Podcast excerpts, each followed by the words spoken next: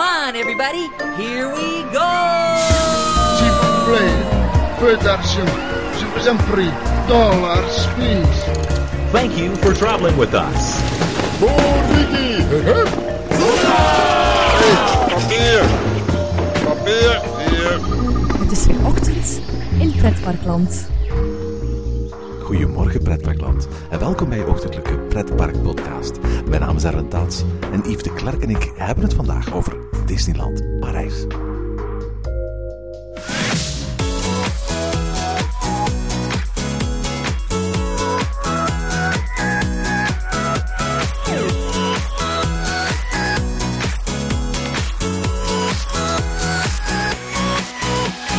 Disneyland Parijs vierde afgelopen week zijn 24ste verjaardag en kreeg als verjaardagssurprise een nieuwe CEO. De Duitser Tom Wolpers verdween even onmemorabel als hij tevoorschijn was gekomen, terwijl het park zich zowel organisatorisch, financieel als infrastructureel verder uit het slop probeerde te trekken. Deze keer dankzij een riante maar broodnodige kapitaalinjectie van de Walt Disney Company. De Britse Catherine Powell neemt vanaf nu het roer over. Na zeven jaar als marketeer voor de BBC te hebben gewerkt, was Powell tien jaar lang verantwoordelijk voor de digitale content van Disney in Groot-Brittannië. Het afgelopen anderhalf jaar overzag ze Disney in Australië, maar nu keert ze dus terug naar Europa om er een Disneyland Parijs aan te treffen in een staat van een patiënt van Dr. Bibber, die op negen plaatsen tegelijk geopereerd wordt. We wensen haar alvast een vaste hand toe, maar Yves en ik hebben nog tien andere wensen voor het Europese Disney Resort. In deze aflevering zetten ze op een rij. Goedemorgen Yves. Goedemorgen, Erwin. Zeg Yves, is het lang geleden dat je nog in Disneyland Parijs bent geweest? Ja, toch wel een tijdje. Het kriebelt eigenlijk al uh, om nog eens terug te gaan, maar het is, het is van vorig jaar, februari geleden, dat ik eigenlijk geweest ben. Dus het is nu al een dik jaar geleden. Normaal gezien duurt het zo lang niet eigenlijk. Bij mij is het ook van vorig jaar, denk ik, in, in, in mei geleden. Ik ben, ben tien jaar lang abonnementhouder geweest van, uh, van Disneyland Parijs. Dus het feit dat er, dat er nu eigenlijk al een, een jaar voorbij is gegaan, uh, dat ik niet meer in Disneyland Parijs ben geweest, dat is, dat is best wel uitzonderlijk. Ja, eigenlijk, uh, eigenlijk steunen we Disneyland voor het moment niet echt, terwijl ze toch wel uh, hele goede werken aan het doen zijn. Ja, absoluut. Hè. Ik bedoel, volgend jaar bestaat Disney 25 jaar. Afgelopen week vierde Disneyland Parijs zijn 24e verjaardag. Dat is ook de aanleiding voor deze podcast natuurlijk. Um, maar de bedoeling is dat we volgend jaar, als we terugkeren naar Disneyland, dat we daar een soort van herboren park zien. Hè? Ja, en daarom wacht ik eigenlijk ook met mijn bezoekje aan Disneyland Parijs tot volgend jaar, tot 2017. Ik vraag me af of er veel mensen zijn die wachten. Als je naar de website gaat of als je de nieuwe brochures kijkt, dan kun je er niet naast kijken. Als je er komt en je hebt dus vooraf op de website gekeken of je hebt dus de brochure doorgebladerd, uh, dan, dan, dan, dan hoor je het eigenlijk in principe wel te weten. Maar ik vraag me wel af of er veel mensen zouden zijn die zich daardoor laten tegenhouden. Goh, ja, ik denk dat sommige fans zich wel laten tegenhouden daardoor. Maar dat is minimaal. Maar dat is minimaal. Ik denk dat eigenlijk nog wel heel wat mensen kiezen om naar Disneyland Parijs te gaan, omdat ze, er, omdat ze verwachten dat dat een ervaring zal zijn uh, dat sowieso de gewone regionale parken overstijgt. Uh, ook al zijn er een aantal attracties dicht. En uiteindelijk zien we toch dat, dat uh, Disneyland Parijs nog altijd hele drukke dagen heeft, ook tijdens al deze werkzaamheden. Ja, een en ander heeft natuurlijk te maken met het feit dat doordat er zoveel attracties gesloten zijn, de capaciteit van het Disneyland Park natuurlijk aanzienlijk kleiner geworden is. En er dit jaar niet veel nodig is om, om, om grote drukte te creëren natuurlijk.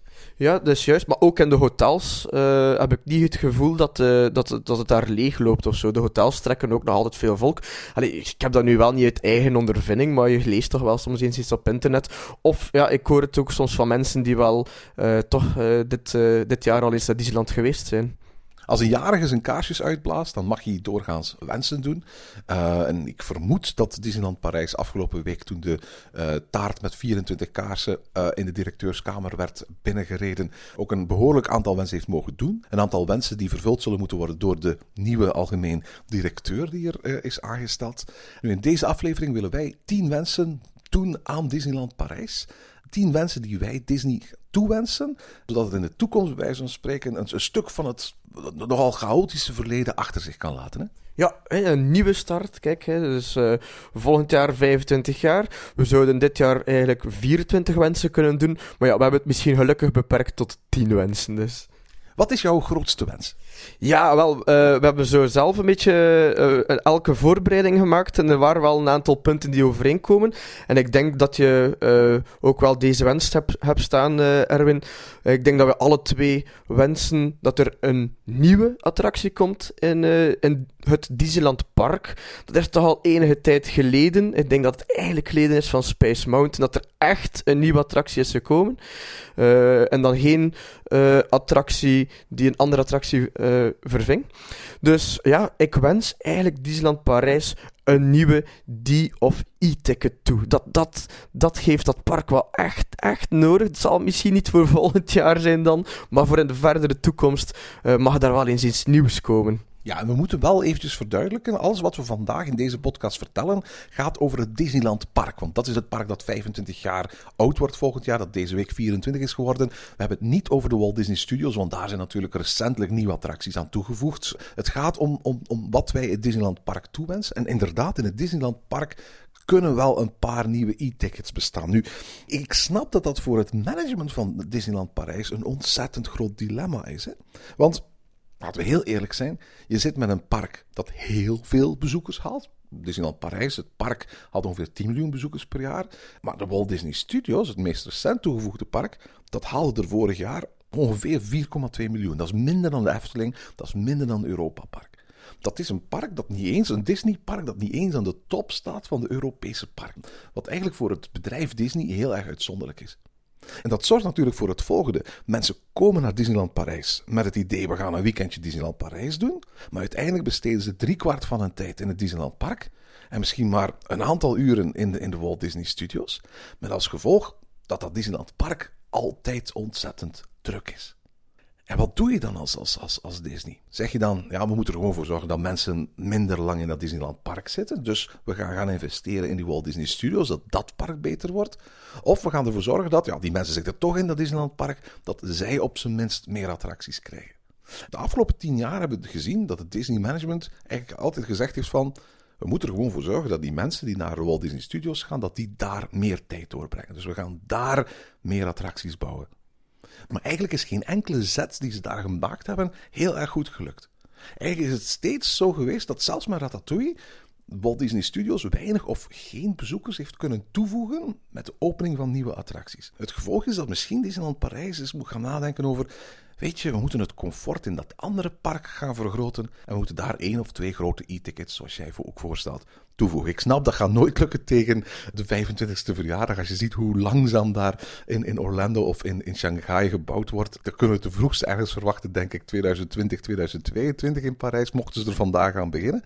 Maar ik denk wel, na tien jaar proberen in die Walt Disney Studios, dat het misschien tijd is om gewoon eens te zeggen van, weet je, onze bezoekers lusten dat park niet echt we gaan eens wat toevoegen aan het comfortniveau in het Disneyland Park zelf. Ja, inderdaad. En dus wij hebben het nu voornamelijk over Disneyland Park. Dus uh, wij, wij vinden dat Disneyland Park echt wel nog een e-ticket, meerdere e-tickets eigenlijk verdient. Ja? Uh, omdat het park misschien ook wel wat tussen aanleidingstekens achterloopt ten opzichte van andere kasteelparken op dat vlak dan. Het is het kasteelpark met het minste aantal e-ticket rides. Ja, en als we dan zouden mogen shoppen in andere kasteelparken, dan denk ik ook onmiddellijk aan een aantal attracties en de andere kasteelparken die eigenlijk ook wel tot zijn recht zouden kunnen komen in ons uh, Disneyland Park. Uh, zo ben ik nogal fan bijvoorbeeld van Splash Mountain. Als je dan toch zou mogen shoppen in andere Disneyparken, wat zou jij dan willen toevoegen eigenlijk aan Disneyland Park? Ik geef eerlijk toe dat, dat um, ik, ik, een grote lacune in het uh, attractieaanbod van het Disneyland Park in Parijs. Uh, en een attractie die trouwens ook volgens mij niet zou thuis horen in de Walt Disney Studios, dat is een waterattractie. Ik vind het eigenlijk heel bizar dat in Disneyland Parijs geen noemenswaardige waterattractie, beschouw voor gemak eventjes Pirates of the Caribbean, niet echt als een, een waterride, maar echt als een dark ride, dat, dat daar geen waterattractie is. Terwijl bijvoorbeeld in Tokyo Disneyland, daar is wel een Splash Mountain, terwijl het klimaat daar absoluut niet zoveel beter is als, als bij ons. En terwijl je ook ziet bij parken bij ons hoe populair waterattracties wel niet zijn. In, de zomer is het zo dat die vaak de populairste attracties zijn van het hele park.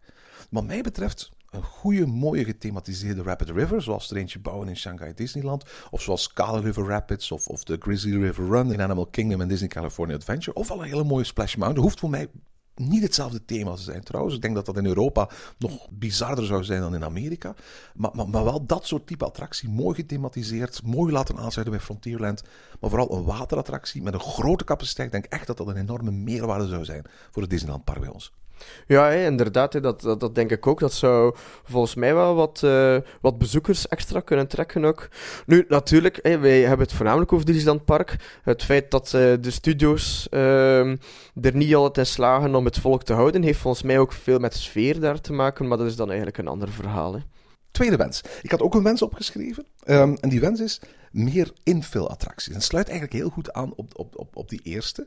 Ehm, uiteraard, als je, als je een aantal pretparkfans gaat, gaat, gaat vragen om wensen te doen, dan gaan ze al heel snel met attracties komen. Ik bedoel, daarvoor zijn we. Ik bedoel, ehm, en, en behalve e-tickets, die echt belangrijk zijn, zowel naar capaciteit als naar marketinguitstraling van een park, geloof ik ook dat Disneyland Parijs dringend een aantal infill-attracties nodig heeft. Het park is, zoals gezegd, vaak heel erg druk.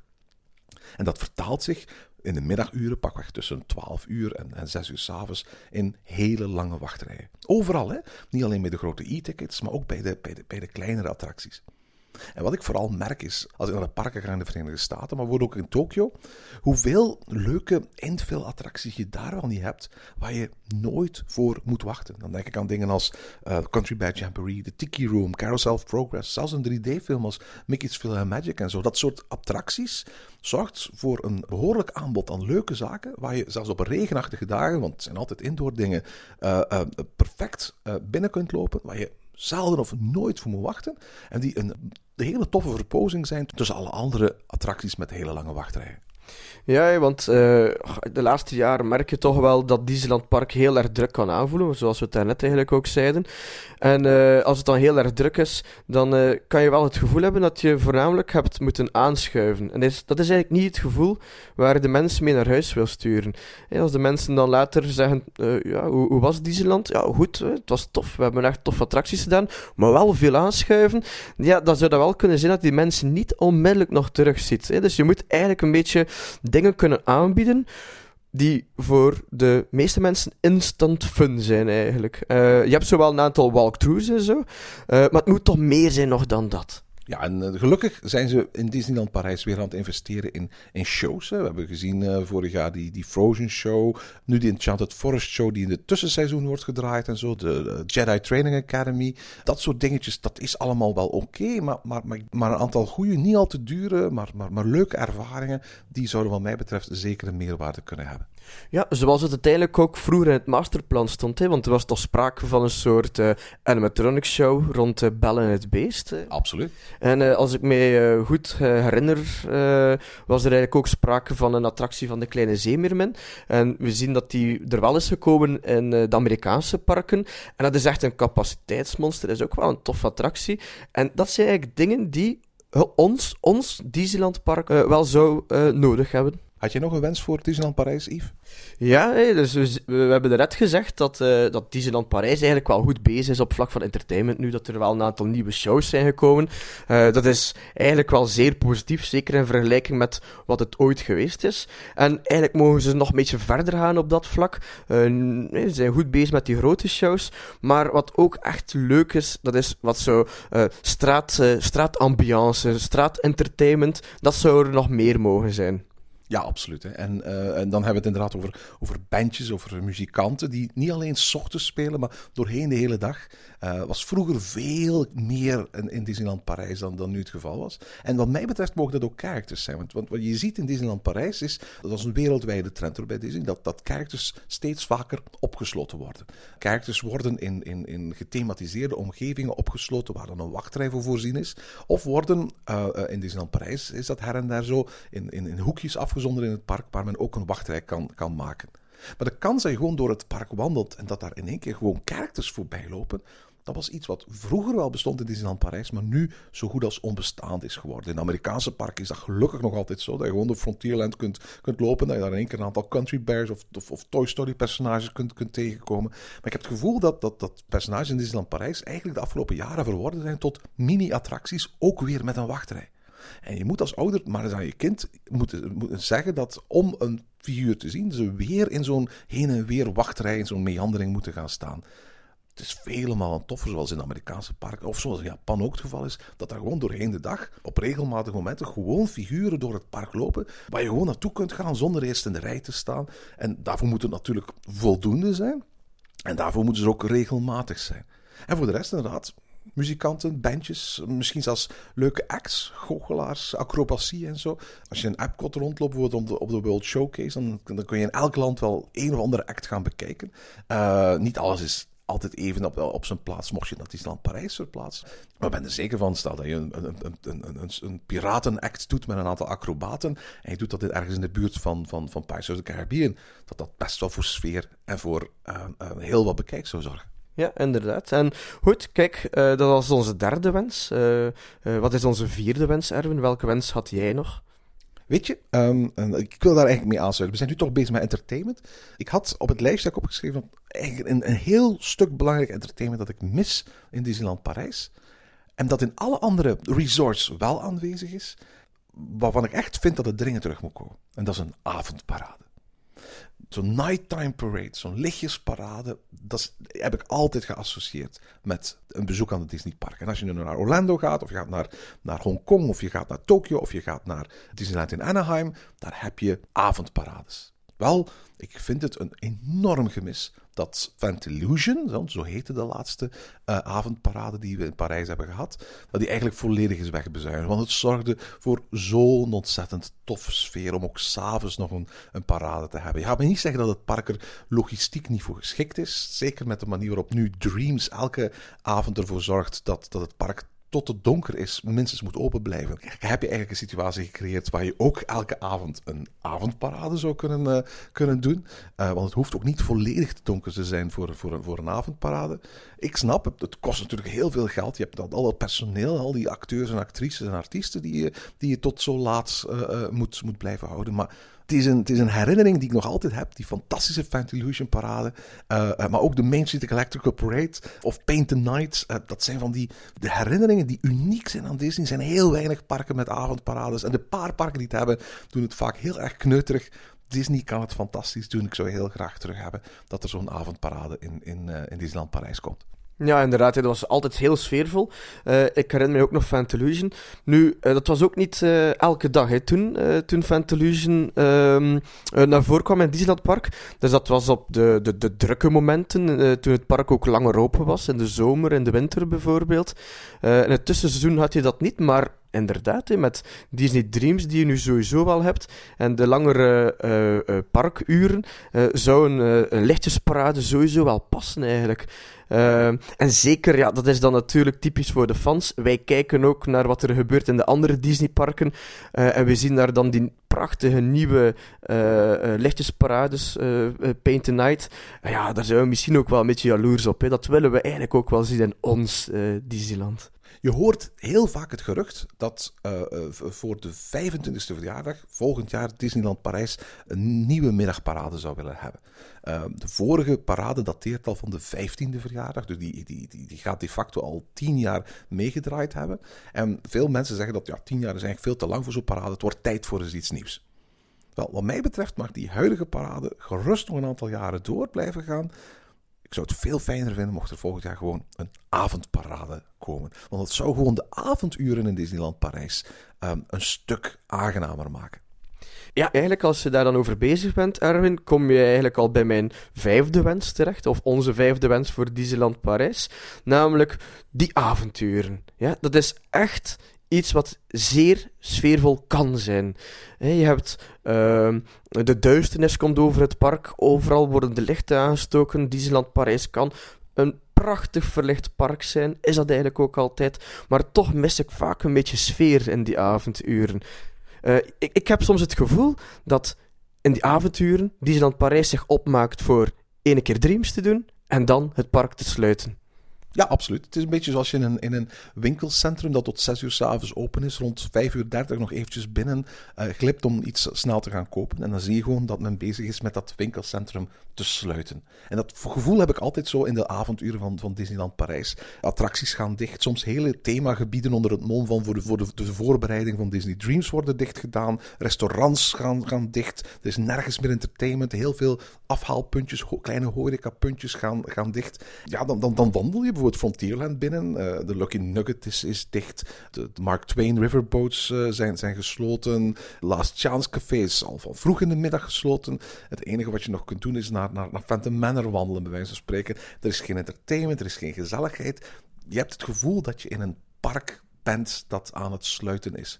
Terwijl in de Amerikaanse parken, en zelfs in Tokio waar ik al geweest ben, een keer het donker werd, het park aan een tweede leven toe was. In één keer begon het opnieuw te bruisen. Het nachtleven werd in, in, ingezet. De dynamiek die in Disneyland Parijs ontstaat zodra het donker wordt, is er één van. En we gaan nu langzaam allemaal de, zaken dicht doen. En je kunt nog vlak voor je Dreamsuit snel eventjes een paar attracties doen. Dat is jammer. En ik hoop inderdaad dat dat zou kunnen veranderen. Oké, goed. Als het inderdaad een regenachtige avond is, ja, dan heeft dat altijd wel een triestige indruk. Maar bijvoorbeeld in de zomer, als het goed weer is, het is een zwoele zomeravond, ja, dan is dat eigenlijk een topmoment. Of dat zou dat topmoment moeten zijn. Die gezelligheid in die avonduren in het Disneylandpark, ja, daarvoor, dat is een van de redenen waarom je ook naar daar gaat dan. Ze moeten gewoon meer dingen open houden. Dat is heel erg belangrijk. Eh, ze moeten ervoor zorgen dat, dat, dat mensen naar restaurantjes kunnen gaan, dat alle winkeltjes open blijven, dat ook alle deuren van alle winkeltjes open blijven staan. Dat je het gevoel hebt van dat het park nog steeds net zo sterk leeft als overdag. En dat doen ze helaas niet.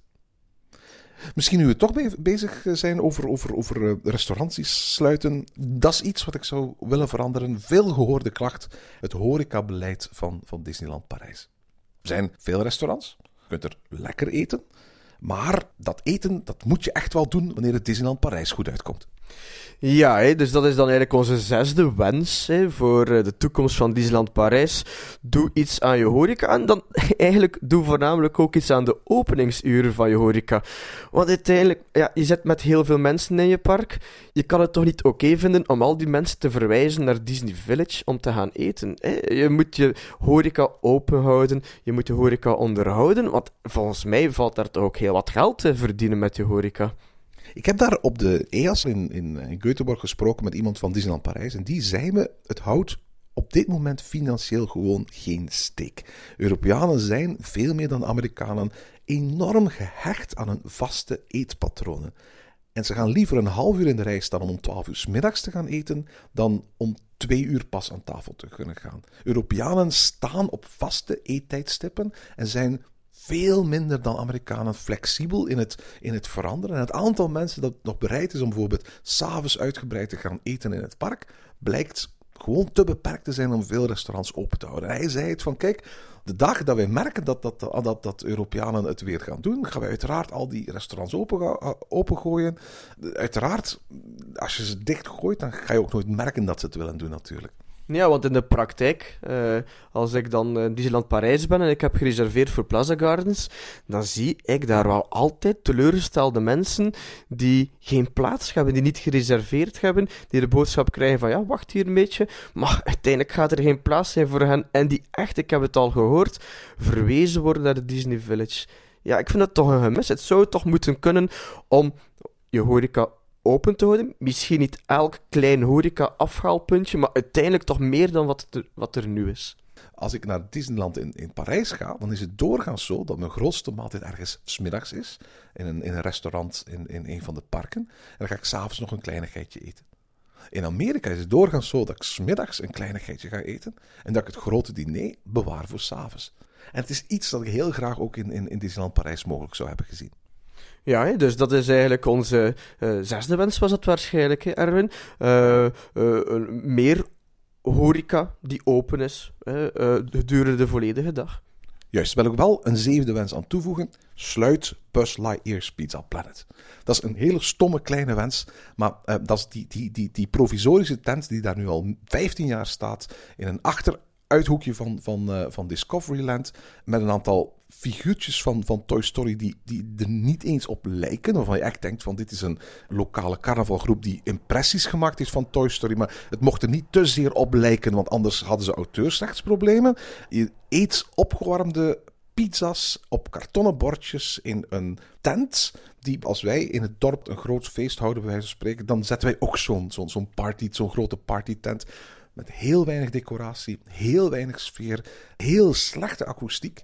En ik ken geen enkel restaurant in geen enkel Disneypark, maar zelfs ook niet in geen enkel niet-Disneypark, dat zo'n tijdelijke indruk geeft als Buzz Lightyear's Pizza Planet. En als je dan aan dat restaurant een naam gaat verbinden van een van je top brands, Toy Story, dan kun je dit toch eigenlijk niet maken. Ja, ehm, het enige dat misschien goed is, is dat het toch redelijk verstopt zit. Hoe lang is het geleden dat je daar hebt gegeten, eh, Erwin? Goh, ik heb het één keer gedaan. Uh, gewoon omdat ik het ooit, ooit eens wil uitproberen. En toen heb ik ook bij wijze van spreken besloten van... Dit is de allerlaatste keer dat Disneyland Parijs mij, mij hier gaat zien. Uh, ik ben, dan later nog wel eens naar binnen gelopen om te gaan kijken van... Uh, is het niet verbeterd? Is het niet veranderd? En, en um, ja, tot het, ik, ik moest dan telkens tot de treurige vaststelling komen dat er in veel gevallen gewoon op achteruit was gegaan. Um, dus, dus wat mij betreft ik, ik, geloof dat de Toy Story brand een sterk genoeg brand is om een, een tof restaurant van te maken. Dat zijn ze nu ook in, in Toy Story Land in Disney Hollywood Studios in Orlando aan het, aan het doen. Maar niet op deze manier. En misschien ook helemaal niet op deze plaats. Want wat doet daar achter Space Mountain en de Nautilus en Autopia in één keer een tent met een Buzz Lightyear logo op? Ik bedoel, dat, dat, dat hoort daar gewoon niet. Ja, dus het is sowieso een beetje verstopt daar achter Space Mountain. En eigenlijk, hè, als we doorgaan, kom ik zo bij mijn, uh, bij mijn volgende wens terecht. Eigenlijk. Dat is waarschijnlijk dan onze achtste wens. Um, namelijk, doe iets aan, hè, Disneyland Parijs, doe iets aan je minder mooie hoekjes. Hè. Je, hebt, je bent een heel mooi park, Disneyland Parijs. Bent ja, als, als, als, als, als de zon erop zit en uh, ze hebben alles is mooi opgepoetst, is Disneyland Parijs denk ik het mooiste kasteelpark dat Disney ooit gebouwd heeft. Ja, zeker. Het is echt fantastisch. Heel mooi nog altijd. En, en zeker nu met uh, alle renovaties, uh, denk ik dat de, dat, de, dat de parel weer zal blinken. Maar er zijn toch wel nog een aantal kleinigheidjes, kleine hoekjes iets grotere hoekjes, die zouden mogen aangepast worden. Uh, een paar lelijke plekken, als ik het zo mag verwoorden, in het Disneyland Park. En dan is eigenlijk een van die plekken toch wel dat, dat gebied die we net hebben beschreven eigenlijk, achter uh, Space Mountain, waar we Star Tours hebben, waar we het treinstation hebben in Discoveryland, waar je vroeger uh, de 3D-film had, waar je Pizza's Planet hebt. eigenlijk heel die hoek mag opgeknapt worden, hè. Ja, absoluut. Eigenlijk is dat een, een, een, een plek die een Disneypark niet waardig is. Het is een hele ongezellige plek die absoluut niks uitstraalt van de grandeur dat de rest van Discoveryland heeft. Er zijn nog wel een aantal van dat soort plaatsen. Ook, het gedeelte achteraan in, in Frontierland, wat oorspronkelijk opgezet was als, als Cottonwood Creek met een, met een eigen kinderboerderij waar je dieren kon gaan bekijken. Sinds de mond- en uh, hebben ze daar alle dieren weggedaan. Ze hebben uh, het kinderboerderijgedeelte daar een aantal keren een andere update gegeven. Soms een kerstdorp, soms een Toy Story dorp, dan weer een, een, een soort Frozen dorp. Er is een, een, een, een nogal raar Pocahontas als speeltuintje daar in de buurt dat ook wat verstopt ligt en eigenlijk helemaal niet zo mooi. Er is een ingang van de River Rock Keelboats uh, die uh, ja, ooit in ik geloof 2008 één jaar eens hebben gedraaid nadat ze jarenlang stil hadden gelegen en, en sindsdien opnieuw stilstaan. Is dan een wat rare uitgestorven hoek. Die hoek zou trouwens uitstekend zijn voor een van de e-ticket rides waar we het dan net over hadden. Maar zelfs al, al kan die e-ticket ride er niet komen, toch lijkt het mij dat dat ook een van die plaatsen is waar ze in Disneyland Parijs over moeten nadenken van hoe kunnen we dit mooier maken, hoe kunnen we dit gezelliger maken. Het is ook zo'n eindpunt. Hè? Disney, Walt Disney zei altijd van kijk, op elke plek waar je bent in het park moet je een weenie zien waar je als het ware vervolgens verder naartoe wil. Er zijn eigenlijk heel weinig Disneyparken die echt eindpunten hebben, waarbij je als het ware ergens naartoe loopt en dan, dan vaststelt van hé, hey, de enige manier dat ik nu verder kan, is gewoon op mijn sporen terugkeren. Dat is een, eigenlijk een hele ongewone situatie. En in Disneyland Parijs hebben die behoorlijk wat. Hè, dat, dat, heb je ook bij, bij, bij Indiana Jones. Dan wandel je naar Indiana Jones en nou, de enige manier als je bij Indiana Jones bent om, om verder te gaan, is gewoon terug te keren van waar je gekomen bent. Dat soort dingen, dat, zo'n masterplan voor, voor het Disneyland Park, dat zou ik ze graag eens zien aanpakken. Ja, maar ik denk dat dat ook gewoon te maken heeft met de verwachtingen die men had uh, toen men uh, Disneyland uh, Parijs opende. Men had gedacht dat het ja, op dat moment veel succesvoller ging zijn, dat het echt storm ging lopen ook voor Disneyland Parijs. Men had heel wat plannen die men ging uitvoeren dan. Ik denk dat die doodlopende straatjes, dat die doodlopen omdat men daar juist uh, uh, grotere plannen mee had. Dat er bijvoorbeeld bij de achtbaan van Indiana Jones, dat er daar wel een Indiana Jones Dark Ride ging komen of zo, dat werd toch altijd gezegd vroeger. En dat eigenlijk, dat die, dat die, dat die weg ging doorgetrokken worden, uh, waardoor je altijd wel in lusjes ging lopen en niet meer in een doodlopende straat ging terechtkomen. Dus ik denk dat dat heeft te maken met de, de tegenvallende resultaten in de beginjaren van Disneyland Parijs en nu nog altijd eigenlijk, waardoor dat masterplan gewoon nooit tot werkelijkheid is gebracht. En daardoor krijg je nu soms een beetje een verwrongen situatie in het park. We hebben nog twee wensen. En de wens die ik nu ga vertellen is misschien een wens die wat raar klinkt, maar waar ik telkens op gewezen word als ik in een van de Amerikaanse parken ben. Dat is de volgende. Disneyland Parijs. Ga eens nadenken over je operations en zorg ervoor dat je treinen, die fantastische treinen, die, die zo iconisch zijn voor, voor Disney, dat die in Disneyland Parijs gebruikt kunnen worden als een echt transportsysteem. Waarmee ik van de ene kant naar de andere kant van het park kan. Nu zou je zeggen, maar dat kan toch? Je kunt de trein nemen in Main Street en dan afstappen in Frontierland of in Discoveryland. Dat is waar. Maar de operations in Disneyland Parijs zijn zo omslachtig dat de wachttijd om de trein te nemen zo ontzettend lang is dat je het eigenlijk nooit als transportsysteem kunt gebruiken. Op de meeste dagen, als je eventjes de app raadpleegt, staat er gemiddeld tussen de 40 en de 60 minuten wachttijd op het Main Street Station. En ook in Frontierland en Discoveryland is het zelden zo dat je minder dan een half uur moet wachten om een trein te nemen. Maar je kunt overal in het park komen te voet op een half uur tijd. Dus met andere woorden, als transportsysteem heeft dat geen nut. En waarom is dat? Dat heeft voor een heel groot, groot stuk te maken met de manier van, van, van, van opereren. In plaats van dat bezoekers gewoon, zodra de trein toekomt, het perron op worden gelaten en zelf mogen uitzoeken waar ze gaan zitten, gaan eerst alle mensen afstappen. Vervolgens gaan castmembers gaan natellen hoeveel vrije plaatsen er nog zijn in welke coupés. Vervolgens worden mensen één voor één door castmembers naar de lege coupés gebracht. En dat betekent dat de treinen heel erg lang stilstaan op alle stations. En dat het heel erg lang duurt voor er een doorstroming is. En dat principe gebruiken ze op elk station. Waardoor die, die treinen volgens mij vele malen minder rondrijden dan de treinen in de Amerikaanse parken. Dat zorgt eigenlijk voor dat die trein als transportmiddel eigenlijk bijna niet gebruikt kan worden. En het is een van de attracties die ik ontzettend graag doe. Ik vind, vind dat Disneyland Parijs een heel mooi treincircuit heeft. Maar een half uur wachten, alleen maar door slechte operations, om die trein te nemen, dat zie ik vaak ook gewoon niet zitten. En ik kan me voorstellen dat mensen zouden zijn, ja, maar in Amerika zijn mensen gewoon wat gedisciplineerder. Amerikanen kun je gewoon het station op laten wandelen en zelf hun, hun, hun, hun, coupé kiezen. Uh, hier in Europa moet het, moet het volk misschien allemaal een beetje meer beheerst worden. Maar aan de andere kant, als je kijkt hoe de treinen genomen worden in de Efteling, hoe de trein genomen wordt in Europa Park, hoe de treinen genomen wordt in, in Plopsaland, dan kan het daar ook. Waarom kan het niet in Disneyland Parijs? Ja, uh, eigenlijk probeert men iets goed te doen. Hè. Eigenlijk probeert men de volle capaciteit van die trein te benutten door alle plaatsen uh, vol te krijgen. Hè. Door de mensen uh, naar een bepaalde plaats te wijzen, zodat ze ook nog op de trein kunnen. Maar het gekke is dat men daar eigenlijk zoveel tijd mee verliest. Mensen kunnen op de trein, is de trein niet volledig vol. Jammer, de trein vertrekt. Zou misschien wel kunnen zijn, hè, Erwin, zo zou het moeten oplossen dan, dat men er nog een extra trein op plaatst. Hè, zodat de treinen vlotjes eigenlijk uh, in een station binnenrijden. Maar met dezelfde manier van operations zou die trein dan gewoon ergens telkens staan wachten tot de volgende trein weer is weggereden. Ja, natuurlijk, maar goed, hè, dus mocht men dat aanpassen en de mensen kunnen gewoon opstappen op de trein en de trein doet toet toet en is, vertrek, eh, en is vertrokken, um, uh, dan zou dat uh, wel kunnen, denk ik. Ik moet eerlijk zeggen, doorgaan zelfs. Ik bijvoorbeeld in, in, in, in Magic Kingdom ben en ik, ik, ik, ik, hoor de trein aankomen in Frontierland. Wel, ik, ik, ik ren gewoon de trap op naar, naar het station. En in, in 9 van de 10 gevallen kan ik gewoon op die trein plaatsnemen. Hoef ik niet te wachten. In Europa Park, hoe lang zou een trein ooit stilstaan voor hij weer vertrekt? Zou het een minuut duren? Ik denk dat twee minuten lang is, om, om, om, omdat hij stil blijft staan. Ik, ik, daar moet gewoon eens iemand over nadenken, over van kijk, hoe willen mensen treinen gebruiken?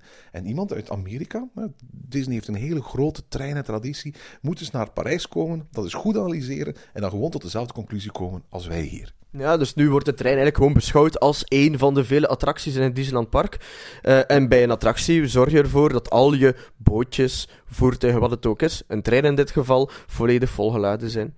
En dat is misschien niet de beste manier om een transportmiddel te gebruiken. Goed, dus we wensen eigenlijk Disneyland Parijs, dat is onze negende wens dan, een uh, beter uh, treinsysteem toe. Wens nummer 10? Ja, we hebben dan uh, onze laatste wens eigenlijk voor Disneyland Parijs. Het heeft iets te maken met de castmembers. We zijn over het algemeen denk ik wel zeer tevreden over de castmembers. Ik denk dat heel wat mensen daar goed werk proberen te leveren. Maar een kleine opmerking misschien, of een kleine wens beter gezegd. Uh, zorg ervoor Disneyland Parijs, dat jouw castmembers die echt in contact komen met de mensen, de bezoekers, de klanten, ja, dat zij uh, hun talen onder de knie hebben. Ja? Uh, het Frans en het Engels dan in de eerste plaats, denk ik. Ja, absoluut. Disney in Europa heeft niet de positie van Disney in Amerika. Disney in Amerika is iets mythisch. En dat betekent dat, dat Disney kan recruteren onder heel wat mensen die naar Disney opkijken, die Disney-erfenis kennen, die Disney-legende uh, bewonderen. En het betekent automatisch dat je in Amerikaanse parken veel meer mensen met een Disney-achtergrond zult tegenkomen, die ook Disney gewoon een geweldig, fantastische plek vinden, dan de gemiddelde castmember in, in, in, in Parijs. Hier wordt voor een heel groot stuk gerecruiteerd bij uh, de groep van jonge mensen die ze een laag loon kunnen betalen om de operationele kosten zo laag mogelijk te houden. Maar dat betekent dat voor heel veel van de castmembers in Disneyland Parijs, niet alle, maar wel voor heel veel, het gewoon werk is. Werk zoals jij hebt, werk zoals ik heb. Uh, en die proberen dat werk naar godsvrucht en vermogen zo goed mogelijk te doen. Maar bij Disney verwacht je natuurlijk nog altijd dat, dat extraatje. En dat extraatje in Disney wordt bijna altijd gerealiseerd door communicatie met de gast. Door met gasten te praten, door met gasten te interageren, door naar gasten te luisteren. En dat lukt natuurlijk niet als er een enorme taalbarrière is. En je zult, er zijn zoveel talen in Europa, het nooit opgelost krijgen. Maar ik ben er zeker van, als je er in elk geval voor zou kunnen zorgen dat je front-end castmembers op zijn minst altijd die castmembers zijn die goed Engels en goed Frans kunnen spreken, dan zou wel heel veel op kunnen lossen. En dat betekent ook dat je ze een hele goede cursus moet geven. Eh, soms heb ik het gevoel dat op het moment dat een castmember eh, jou instrueert om ergens te gaan zitten, of iets wel of niet te doen, dat dat te kort af is. Dat dat met hele korte kleine woordjes is, omdat ze alleen maar die ene paar woordjes geleerd hebben. En daardoor voel ik me vaak wat gecommandeerd in, in, in Disneyland Parijs en mist die Disney-magie wat in hun communicatie. Ik denk dat het een belangrijke taak voor de nieuwe CEO in Disneyland Parijs, dat dat het, het, het, een goed human resource management is en het, het, degelijk opleiden van je castmembers. Want Disney kracht zit in attracties, zit in parken, maar zit ook minstens zo hard in het personeel. Ja, en dat, en dat merk je dan eigenlijk ook wel als je naar Amerika gaat. Hè. Uh, omdat daar alles in één taal ook gebeurt, het Engels uiteraard. Uh, dan merk je uh, wat voor verschil dat het kan uitmaken. Hè. Dus we gaan er misschien niet helemaal aan toekomen in Parijs, maar mocht het een, ja, elke stap in die richting is eigenlijk een verbetering het park in, in Parijs op dit moment ligt een beetje zoals een man of een vrouw op een operatietafel van een plastisch chirurg. En we kunnen eigenlijk alleen maar hopen dat als we volgend jaar terug naar Disneyland Parijs gaan, het park eruit ziet alsof het een echte verjongingskuur heeft ondergaan. Ja, en dat denk ik eigenlijk ook wel. Als je ziet met wat ze allemaal bezig zijn. En je ziet ook dat ze het goed gaan aanpakken. Ja, ze nemen er hun tijd voor. Uh, ik hoop dat ze echt de puntjes op de i zetten. Een nieuwe start. Het park moet erbij liggen zoals het was in de beginjaren. En dan, hup, we vertrekken terug voor een aantal jaren. Uh, een betere toekomst, een mooiere toekomst. En hopelijk houden we rekening met onze wensen ook, Jarvin. En tot zover deze aflevering van Ochtend in Pretparkland. Heb je vragen of opmerkingen? Mail ons dan via ochtend.pretparkland.be.